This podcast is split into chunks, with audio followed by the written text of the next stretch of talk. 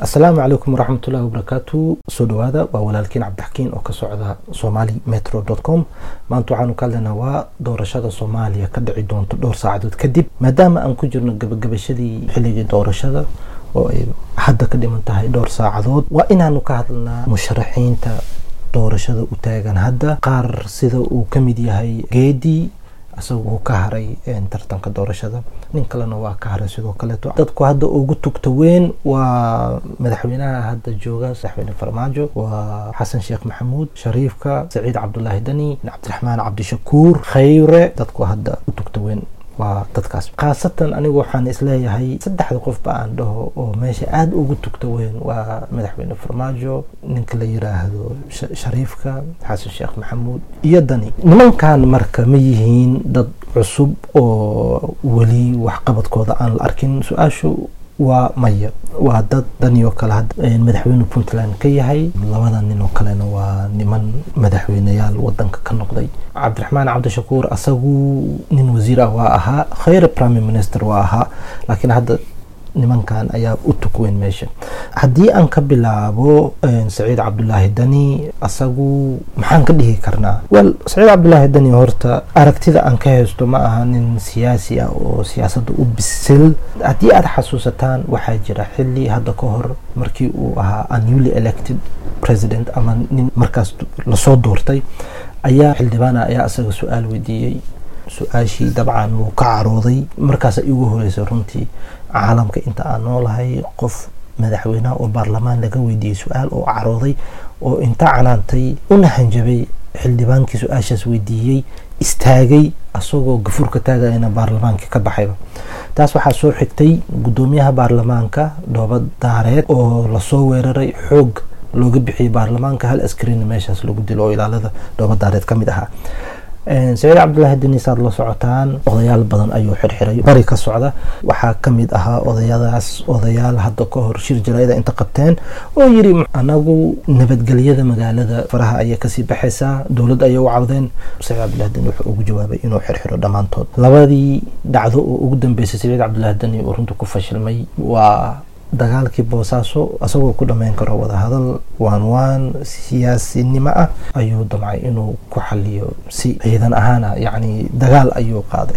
Dagaalkii kuma uusan guuleysan ninkii meeshii ay isku haysteen weli meeshii taliye ka yahay p s f ta saad la socotaan xilkii ninkaas lagama qaadin maal badan waa burburay dad badan naftoodii waa ku waayeen bal hal nin ayaa qoyskiisao dhanba ku waayaba xuquuqdii dadkaas dabcan aakhir ayaa la weydiin doonaa saciid cabdulaahi deni ninka saas ahaa ayaa rabaa hadda inuu madaxweyne noqo arrinta u dambeysoo kale oo saciid cabdulaahi deni ama dowladiisu ay samaysay ayaa waxay ahayd weerarkii lagu qaaday wasiirka arrimaha dibadda iyo qoyskiisa oo la afuraya nin oday ah nin adeerkiis aba aan dhehe. Marka aan ka gudbo saciid cabdulaahi deni laakiin inta aan ka gudbin su'aasha meesha taalla ayaa waxay tahay ninkaas ma lagu aamini karaa wadan dhan dulqaadkeedii ma leeyahay ma u bisil yahay siyaasad ahaan?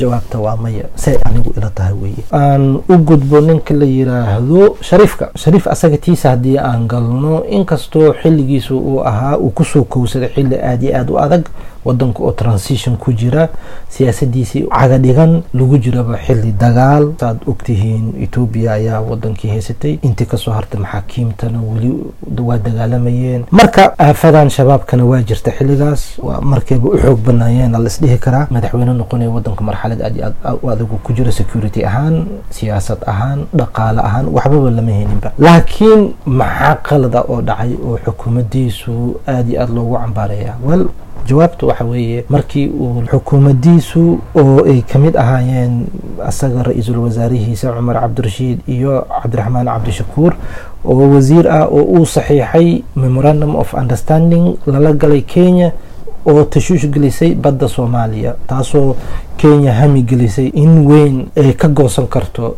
badda soomaaliya ay leedahay. Marka taasna waxay dhashay in twelve nautical miles ama boqol kun oo square meter ah in soomaaliya ay weyso. Haddii aan taas ka gudubno aan galno xasan sheekh maxamuud. Xasan sheekh maxamuud sidoo kale wadanku marxalad adag ayuu ku jiray. Isagaaba marxalad adag ku sii noqday wadanka markii uu noqon lahaa solution ama wadanka badbaadin lahaa asagii ayaa culeys zaaid a keenay. Culeysyaduu keenay. xasan sheekh maxamuud waxaa ka mid ah qabaa-ilada uu isku dirayey sida hadda mudug laba qabiiloo walaaluhu qoorta isku geliyey xitaa waxaa dhacday in askar ama ciidan soomaaliyeed oo ciidanka qaranka ahaa inta la siray la marin habaabiyey loo diray dhinacaas mudug oo askartii markay arkeen meeshan inay tahay arrin qabiil ay ayaguba isdhiibeen ama ayba iskaga carareen. Taas waa jirtaa. Midda kaleeto shabeellada hoose sidoo kale laba qabiiloo walaalu qoorta isku geliyay arrimahaasoo dhan odayaalkii iyo dadkii cabanayo wixii oo dhan social mediahay ka buuxaan. Marka inaa aada u sii explain gareeyo uma baahna.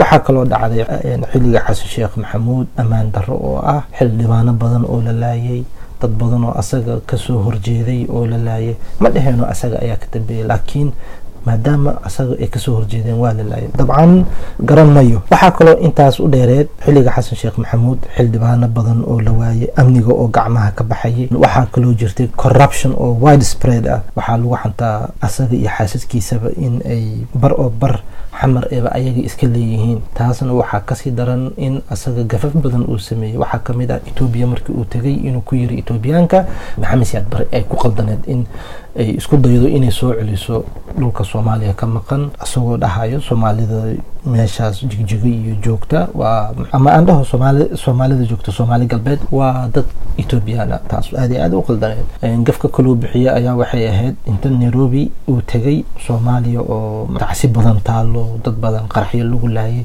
Inta uu tegay nairobi isagoo damcayo inuu u uu meel fagaara ah ka yiri aniga dhimashada ama qaraxyada ka dhaca nairobi waxay iiga xanuun badan yihiin. Qaraxyada ama dhaawacyada ama dhimashada ka dhacdo soomaaliya. Marka nin madaxweyneha oo dhahayo wadan shisheeye dhibkiisa ayaa aada ii xanuujiya. Sida uu ugu damqanayo asaga wadanka uu horjoogaha u yahay waa runtii wax aada iyo aad looga yaxyaxa weeye. Maxaa kaloo marka ku jirtay arintan xasan sheekh maxamuud ayaa waxay ahayd wuxuu kale ku fashilmay in isagoo jooga meel yani lagu xuseeyey askar dhimatay oo kenyaati ah inuu u soo jooday taasna qalad ay ahayd. Iska badaa mid dhaqan iyo mid kale.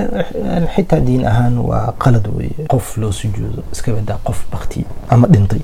Haddii aan ka gudba taas xasan sheekh maxamed xilligiisa gabre ayaa wax kasta maamulayay xitaa villaduu jiifay sawiro badan iyo videoyo badan ayaad dabcan ku aragteen social media iyo youtube-kaba isagoo amraayo wasiirada garabka intuu ku dhiga dhahayo meeshan saxiix taasna waa ku fashilmay. Hal arrinoo muhiim ana waa jirtaa oo aan ka tegi gaaray. Oo waxay tahay corruptionka wuxuu gaaray heer askarta mushaarkoodii loo diiday oo dhowr bilood lix bilood sanad qaarkood la siinaynin mushaar. Waxaaba dhacdayba mar xasan sheekh maxamuud intuu u yimid niman saraakiil ah intuu uu iskugu wacay uu shirir u qabtay isagoo hadlaayo microphone haysto uu ku yiri boqol dollar haddii iina raalli ku ahayn walaalayaalo dareeska noo bixiya meesha kale oo aad ka helaysaan mushaar inagu filan idinka ka raadsan bal isku day adiga adoo ah sarkaal qaran ama askari qaran boqol dollar lagu leeyahay waa inaad happy ku noqotaa haddii aad happy ku ahayna waa inaad iska tagtaa. Waxaa uga wanaagsaneyd inuu yani horta afkiisa uu suubsado maadaama uu yahay madaxweynaha qaranka. Waxay ahayd inuu yiraahdo uu danqado. Bal adiga isku day nin laxaas iyo carruur inaad dhahdo boqol dollar waa inaad happy ku noqota boqol dollar maxay goysaa? Hadda hoteeladan muqdisho ka taagan qaarkood boqol dollar qof xataa kuma qadeeyo. Marka toban dollara koobka shaaxa lagu cabaa. Marka askari qaran oo naftiisa u huraayo wadankiisa leedahay boqol dollar adoo ku jeesjeesayo boqol dollar haddaad happy ku ahayn via waxaas waa qalad wey wax laga xishoodana way tahay. Marka taas kuma amaana. Ninka asaga ahaa ayaa raba hadda marka inuu madaxweyne mar ku noqon. Isagoo loo dooranaya waa maxay? Exactly muxuu ku soo kordhiyay wadanka askar lagu jeesjeestay mushaarkoodana la cuno ma guryo dad laga dhaco ama guryo badan. Wadamada hormaray qofka corruptionka noocaasa sameeyo waa la xiraa. Ma ogi laakiin looma doorto mar labaad madaxweyne inuu noqdo. Farmaajo asaga muxuu qabtay marka? Dabcan codkayga saa u dareemaysaan aniga intaa hadda dadkan aan sheego dhan shaqsi ahaan waxaa iila muuqda farmaajo inuu yahay qofka ugu macquulsan. Waayo qofka ugu macquulsan yahay kow mushaarka askarta waa qaadataa ciidamada mushaarkooda waa qataan ciidanka waa la dhisa labo aad iyo aad u dhisan yahay. Saddex ammaanka waa fiican yahay. Afar corruption aad iyo aad saasa ma jiro. Weli soomaaliya rankinka corruptionka weli waa ku hooseeya ku jirtaa laakiin sida madaxweyneyaalka la soo dhaafo kaleeto ma aha laakiin ceebta ugu weyneed oo dhacday xilliga madaxweyne farmaajo kheyrana uu ahaa ra'iisul wasaare ayaa waxay ahayd muwaadin soomaaliyeed oo loo dhiibay etoobiya extradition lagu sameeyey. Taasna qalad ayay ahayd. Waana ku ceebeysan yihiin. Inkastoo ninkan xaashi la yiraahdo odaygan la yiraahdo xaashi oo baarlamaanka aqalka sare daadihinaya ayaa wuxuu yiri sambaloshe ayaa ka dambeeya arintaas oo aniga iyo farmaajo sambalosha loo yeeray sambaloshe markii la weydiiyana waxay noqotay wuxuu asaga ka dambeeya calaa kulli xaal arintaas soomaali badan waa ka dharagsan tahay laakiin still the back stops with the president. Weli madaxweynaha ayaa mas'uulka ah arintaas waa sida aniga aan qabo taasna runtii arrin aada iyo aada u ceeb weyn ayay ahayd. Marka nimankan oo dhan haddii la isku geeyo runtii ma la heli karaa qof cusub oo siyaasadda u bisil wadanka la ogyahay inuu wax u qabanayo. Maye lama oga waxay wadanka u qabanayaan. Dadkan aan hadda soo sheego dhan waa dad fashilmay already. Farmaajo waxaa la yidhaahdaa asaga waa nin dictator ah. Runtii waa maxay dictator? Xilliga xasan sheekh maxamuud journalistiyada waa la xiraya haddeertaan farmaajo wax kasta ka sheegaan cid journalist weli la xiray ma jirto. Muddadii farmaajo uu madaxweyne ahaa waxaa kaloo jirta in dadka ama dadkan diblomaasiyiinta shisheeyaha ah markii ay soo faragashtaan arrimaha wadanka waa maxay tahay waa laga ceerinaya wadanka personanan grata inta la siiyo sida nicholas kay iyo haddii aan ka soo gudbo sawir fiican haddaad rabtaan inaad ka qaadataan arrintan doorashadan soomaaliya ka taagan iyo xiisaha loo qabo runtii hadda kenya kale maanta wasiirka beeraha aan dhehe oo kenya munye ninka la yidhaahdo wuxuu shir jaraa-idu qabtay kumanaan qof iskugu soo baxeen oo dhegeysanaysay wuxuu yiri aan habaarno farmaajo si uu ugu dhaco doorashada si meeshaas uu u soo baxo nin madaxweyne soomaaliya u ah oo dabcan danta laga leeyahayna waa qaadki iyo kenya oo sida ay rabta ka samaysanayso. Marka waa sawir fiican oo laga qaadan kara marka haddii aan u gudbo marka the external act sida hadda kenya oo kaleeto doorashadan aada iyo aaday u xiiseynaysaa iyadoo ka arkayso in khilaafka badda oo ay diiday i c j-ga xukunka ee sameysay in ay heli karto qof soomaali ah oo yani sympathetic u ah iyada waxa ay rabtan ay ka samaysan karto.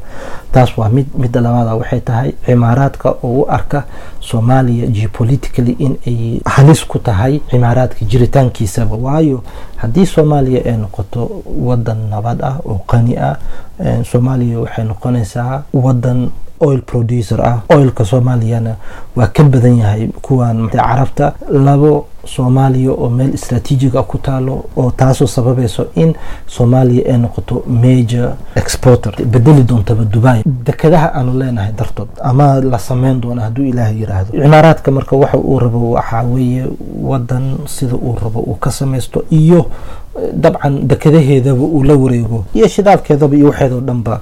Saaad ogtihiin cimaaraadka waa hostile. Hadda yemen waad aragteen soo ugalay dad badanna way ka hadleen arrimahan. Maanta marka dagaalka jiro ayaa wuxuu yahay oo doorashadan waxaa ku tartamaya shacabka soomaalida ah iyo eliidka waaye marka tartankan dadka ku jira. Shacabka oo idin waxay taageersan yihiin madaxweyne farmaajo dadkan eliidka ah. Eliidka waxaa weeye dadkan awoodda leh ama ha awood dhaqaale ama ha ahaato awood siyaasadeed. Dadkan eliidka ah ma rabaan soomaaliya uu dowlad xoog leh marka qof kastaba waa interestigiisa uu fiirsanaya ninka taajirka ah ama ninka businessmanka ah oo wax badan wadanka ka soo degsado muxuu ilaalsanayaa businesskiisa taasoo ah.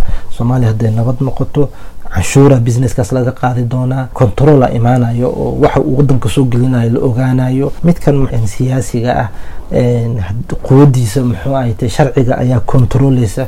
Marke ninka siyaasiga hadhowti mustaqbalka soomaaliya xoog xoog leh sharciyo adag leh wuxuu raba maku hadli karo hantiduu raba ma dhici karo dabakaayadii waa laga xirayaa basically. Marka soomaaliya qofkii la doorto insha allah waxaan ilaah ka baryayaa inuu noqdo qof wadani ah.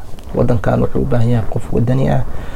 Uma baahno qof jilicsan runtii. Wuxuu u yahay qof yac iska dhihi kara wixii aan u qalmin wixii u qalmana qaadan kara. Wuxuu u yahay qof damiir leh. Wuxuu u yahay qof ka fekeraya aayaha iyo aayatiinka wadanka wuxuu u baahan yahay qof siyaasadda u bisil nimankan kulligood hadda inta tartamaya. Shaksi ahaan waxaan is leeyahay madaxweyne farmaajo ayaa u roon. Asaga mar yani waxyaabo badan ma bedeli karaa hadartaan meeshaan ayaan ku joojinaynaa. Hadduu ilaahay yiraahdo waxaan rajeynayaa khaasatan cabdixakiin ahaan in madaxweyne farmaajo mar labaad la doorto.